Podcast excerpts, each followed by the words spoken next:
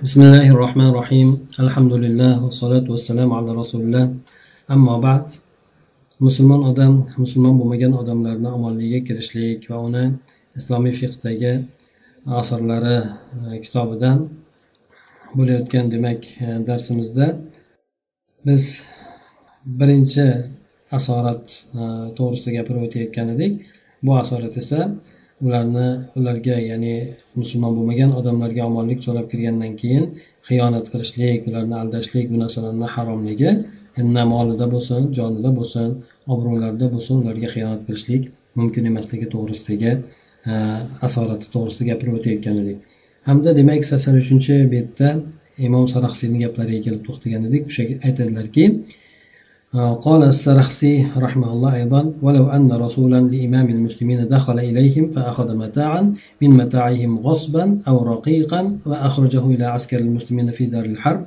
أخذه الأمير ورده على أهله لأن الرسول فيهم كالمستأمن saraxsiy rahimalloh aytadilarki agar musulmonlar imomini ya'ni xalifa hokimni bir elchisi nomusulmon bo'lgan odamlarni yurtiga kirsa omonlik bilan kirsa endi ya'ni elchi kir elchi ularni davlatiga kirsa elchi kirgandan keyin albatta u omonlik bilan kiradi.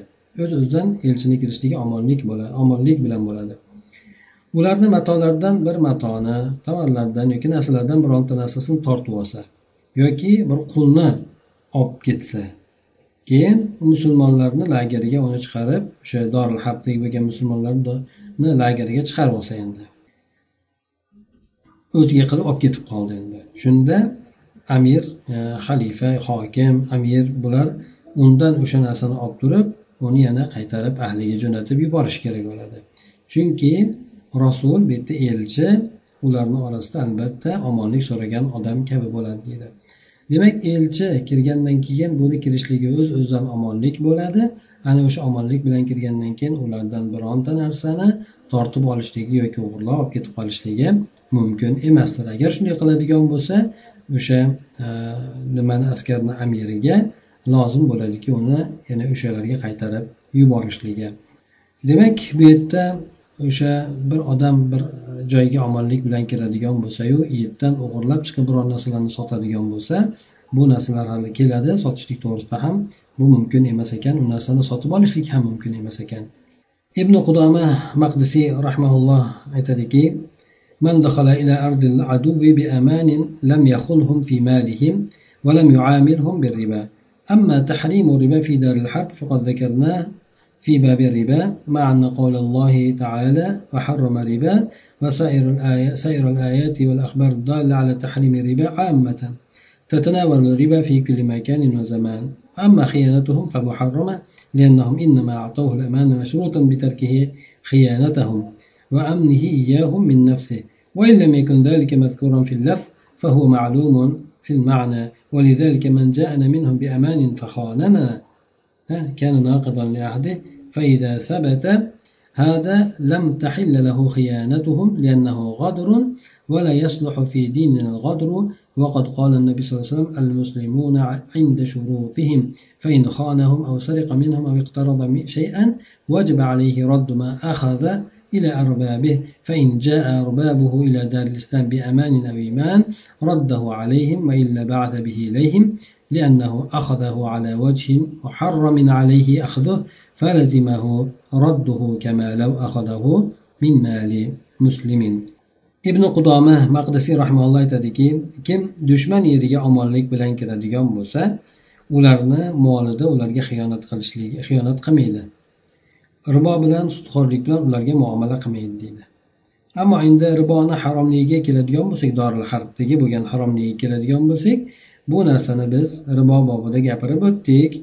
Shu bilan birgalikda alloh taoloni ushbu oyati ya'ni alloh taolo riboni harom qildi deb aytgan oyati hamda boshqa oyatlar yana riboni haromligiga dalolat qiladigan xabarlar rivoyat hadislar bularni hammasi umum suratda kelgan. Hamma zamondagi makondagi riboni o'z ichiga olaveradi ya'ni diyor kufr diyorida bo'lsin musulmonlar diyorida bo'lsin farqi yo'q. Buni e, o'z ichiga olaveradi deydi. Lekin bu yerda baribir bu kishi endi hambaliy mazhabida bo'lib bu narsani quvvatlaydi. E, Hanafiy mazhabida esa doril harbda musulmonlar e, ribo bilan muomala qilishligi mumkin bo'ladi. Qachoniki foydani ular qiladigan bo'lsa ya'ni musulmonlar qiladigan bo'lsa foyda beradigan bo'lsa emas balki E, foyda oladigan bo'lsa unda ular bilan ribo qilishligi doril harbda mumkin bo'ladi deb aytishgan. Bunga endi ularni e, aqliy bo'lgan dalillari bor. Bu dalillardan birisi ya'ni doril harbdagi bo'lgan odamlarni mollari demak o'zi aslida halol bo'ladi.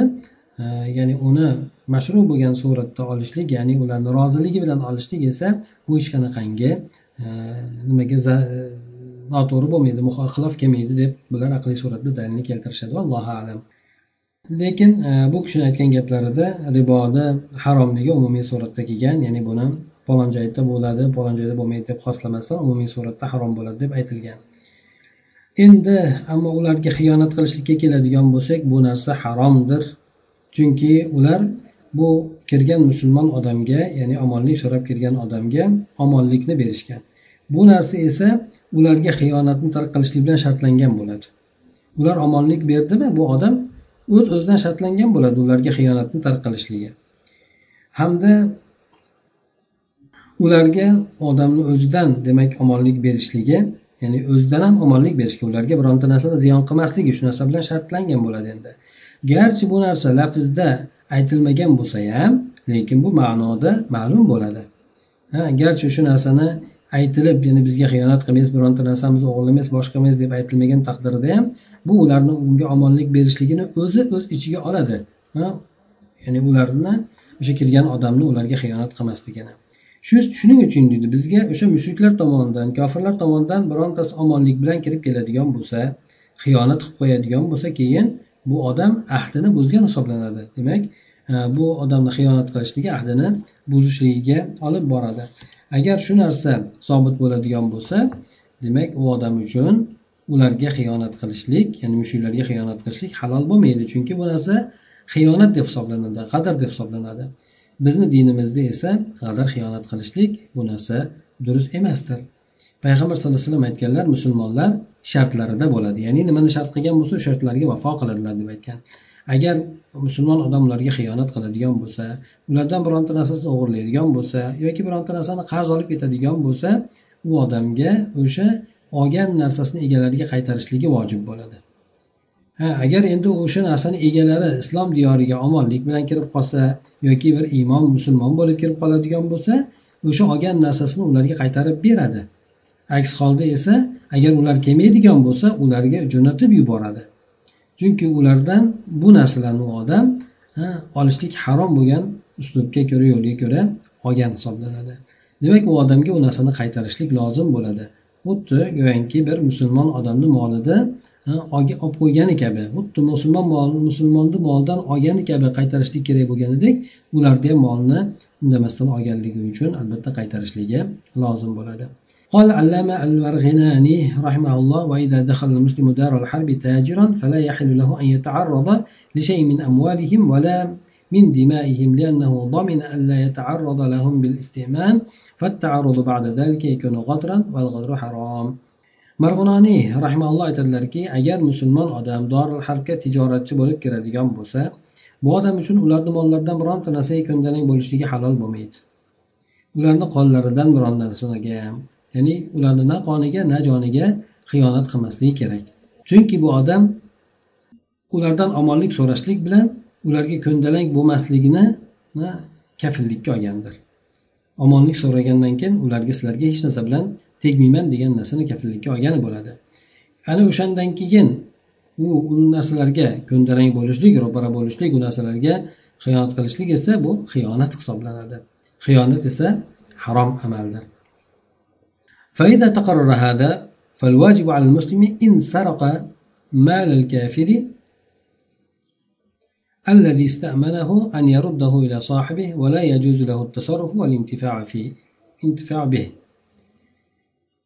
agar bu narsa qaror topadigan bo'lsa musulmon odamga vojib bo'ladiki agar kofir bo'lgan odamni o'zi omonlik so'ragan kofir bo'lgan odamni molini o'g'irlaydigan bo'lsa uni egasiga qaytarib berishligi kerak bo'ladi u uchun o'zicha tasarruf qilishligi o'zi u narsalardan foydalanishligi joiz bo'lmaydi mumkin bo'lmaydi.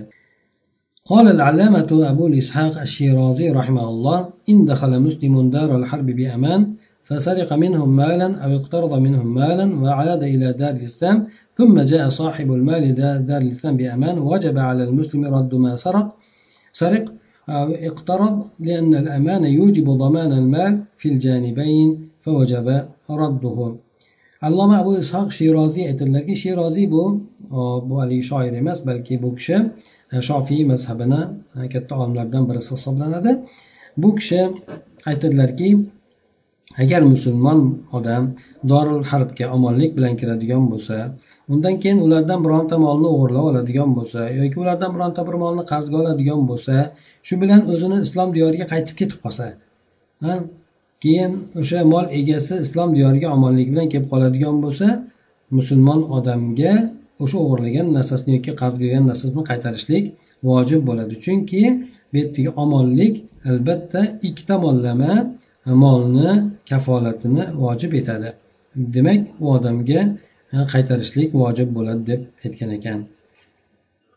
Ya'ni ikkala tomonda ham e, albatta e, unga nisbatan xiyonat qilinmagan ekan bu ham xiyonat qilmasligi kerak bo'ladi.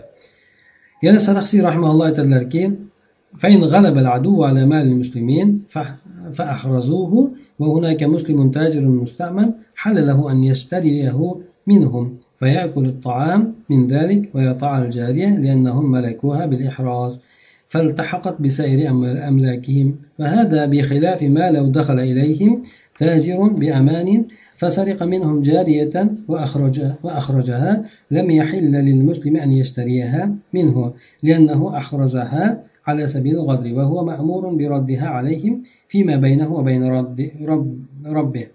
وإن كان لا يجبره الإمام على ذلك لأنه غدر بأمان نفسه لا بأمان الإمام. فأما ها هنا هذا الملك التام ملك تام للذي أحرزها بدليل أنها لو أسلم أو صار ذميا كانت سالمة له ولا يفتي بردها saraxsiy rahmaulloh aytadiki agar dushman musulmonlar moliga g'olib bo'lsa ya'ni musulmonlar moliga g'olib kelib uni egallab olsa o'zini mulkiga kiritib oladigan bo'lsa ya'ni kofirlar musulmonlar molini egalik qilib olib oldi endi musulmon odam musulmon bir tojir borki bu omonlik so'rab o'sha diyorga kirgan bu odam uchun ulardan o'sha narsani sotib olishligi halol bo'laveradi sotib olib o'sha narsadan taomni o'shandan taom olib yeyishligi ya'ni o'sha taomlardan olib yeyishligi halol bo'laveradi. Yoki bo'lmasa joriya bo'lsa joriya o'sha e, cho'ri ayol bo'lsa uni olib turib u bilan aloqa qilishligi bo'laveradi. Sababi mushriklar uni qo'lga kiritishlik bilan unga egalik qilgan hisoblanadi. Ya'ni mushriklarni mulkiga aylanib qoladi u narsa. Bu ularni mulk qolgan mulklariga ergashib qoladi. Ya'ni qolgan mulklari kabi bo'lib qoladi mushriklarni. Demak bir musulmon musulmonlarni mol mulkini mushriklar egallab oladigan bo'lsa bu mushriklarni mol mulkiga aylanadi. Ulardan demak sotib olsa ham boshqa qilsa ham bo'laveradi. Bu narsa. Shu narsani xilofidaki deydi agar musulmon bo'lgan tojir o'sha diyorlarga omonlik bilan kirib ulardan bir joriyani jo'ra ayolni e, o'g'irlab uni tashqariga olib chiqib ketadigan bo'lsa musulmon odam uchun uni sotib olishligi undan mumkin emas. Halol bo'lmaydi. Nimaga? Chunki bu tojir bo'lgan odam u cho'rini xiyonat yo'liga ko'ra egallab olgan bo'ladi. Bu yerda esa ularga qaytarishlikka u ma'murdir. O'sha cho'rini ularga qaytarishlikka u ma'murdir. Ya'ni o'zi bilan robbisini o'rtasida ma'murdir ya'ni qaytarib berishligi kerak bo'ladi o'zi taqvosiga oladigan bo'lsak. Garchi imom o'sha narsaga uni majbur qilmasa ham. O'sha imom yoki boshliq xalifa hokim uni majburlamasa ham qaytarib berishligi lekin bu odam taqvo jihatdan o'sha narsani qaytarib berishligi kerak bo'ladi. Chunki u odam o'zini omonligi bilan kirganligidan xiyonat qilgan. Ha imomni omonligi bilan emas. Imom jo'natgan bo'lsa unda u odam shunday qilgan bo'lsa elchilik elchi bo'lib masalan unda qaytarib berish kerak bo'ladi. Bu odam o'zi kirgan o'zi omonlik olgan shuning uchun bu odam o'zini o'zi bilan ularni o'rtasidagi bo'lgan narsa bo'ladi. Ammo bu yerda demak e, bu mulk uni egallab olgan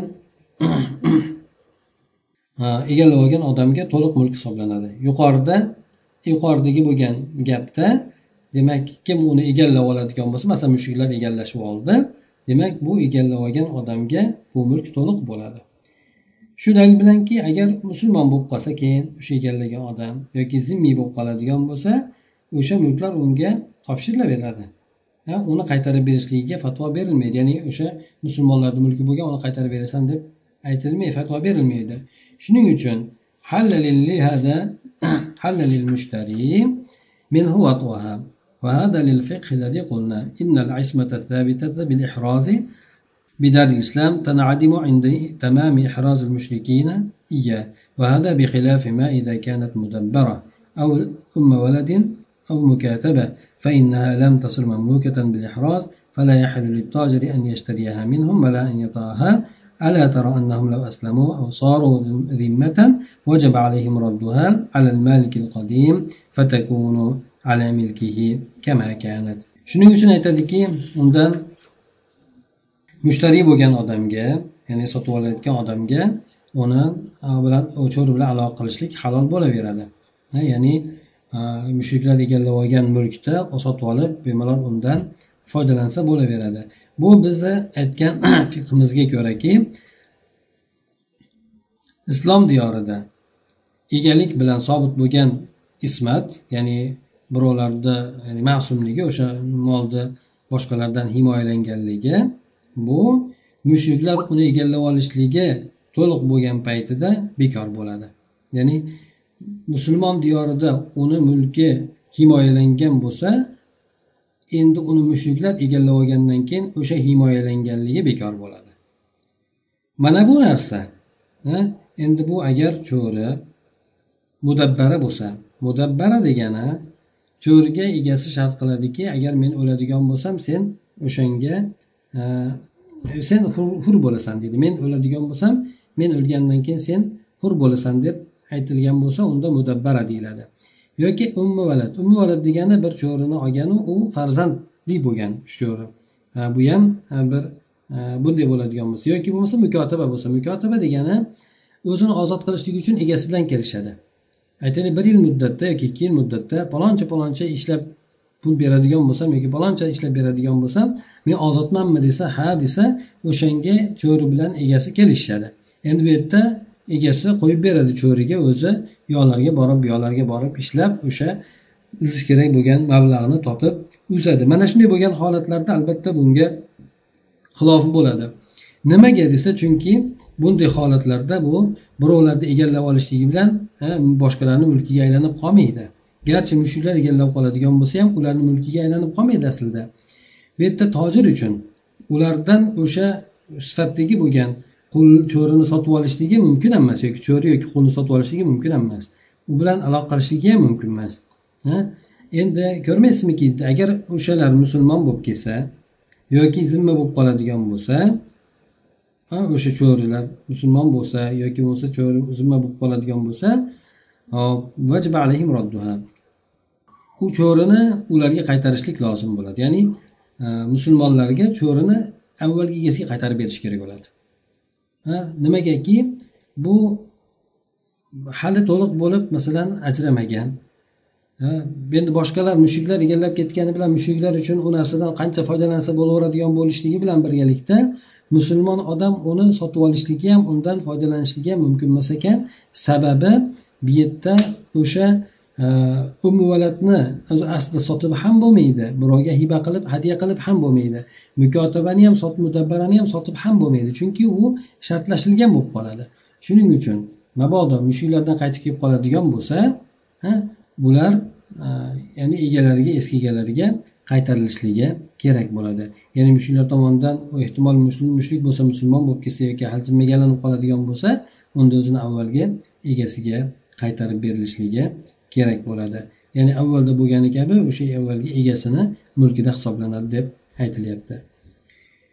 Yana imom navaviy rahmaulloh aytadilarki dahala muslimun daral harbi bi aman faqtarada minhum shay'an aw saraqa va ada ila daril islam lazimahu radduhu li'annahu laysa lahu ta'arrud lahum idza dakhala bi aman. Musulmon odam darul harbga omonlik bilan kiradigan bo'lsa ulardan bironta narsani qarzga oladigan bo'lsa yoki o'g'irlagan bo'lsa islom diyoriga qaytib ketadigan bo'lsa unga qaytarib berishligi lozim bo'ladi. Chunki u odam uchun unga ko'ndalang bo'lishligi agar omonlik bilan kirgan bo'lsa unga ko'ndalang bo'lishligi halol emasdir deb aytadi. Demak yuqoridagi aytib o'tgan e, olimlarni so'zlari hammasi o'sha bir omonlik bilan bir odam e, dushman yeriga kiradigan bo'lsa doril harbga doril kufrga kiradigan bo'lsa ularga xiyonat qilishligi ulardan biror narsani o'g'irlab olishligi bu narsalar mumkin emas ekan.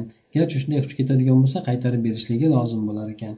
Yana bu yerda bir masala. Agar musulmonni mulki kufr diyoriga kirib noqonuniy kirgan bo'lsayu u narsa musodara qilingan bo'lsa kufr diyoriga kirib turib qonunga xilof bo'lgan holatda musodara qilingan bo'lsa musodara qilinishlik bilan kufr diyoridagi ya'ni kufrni mulkiga aylanib ketadi. Ana o'sha musodara qilingan molni musulmon odam olsa bo'ladimi deganda albatta bu gaplarga ko'ra olsa bo'ladi. O'shandan foydalansa bo'ladi. Sotib olsa ham o'ziga foydalansa ham bo'ladi. Bu demak zulman olinmagan bo'lsa. Mana bizni diyorlarda ko'proq musodara bo'linadigan tovarlar zulman bo'ladi. Zulman qilinadi. O'sha ko'proq zulman qilinganligi uchun o'shandan sotib olib bo'lmaydi u narsani deyiladi. Chunki birovni mulkini tortib olingan hisoblanadi.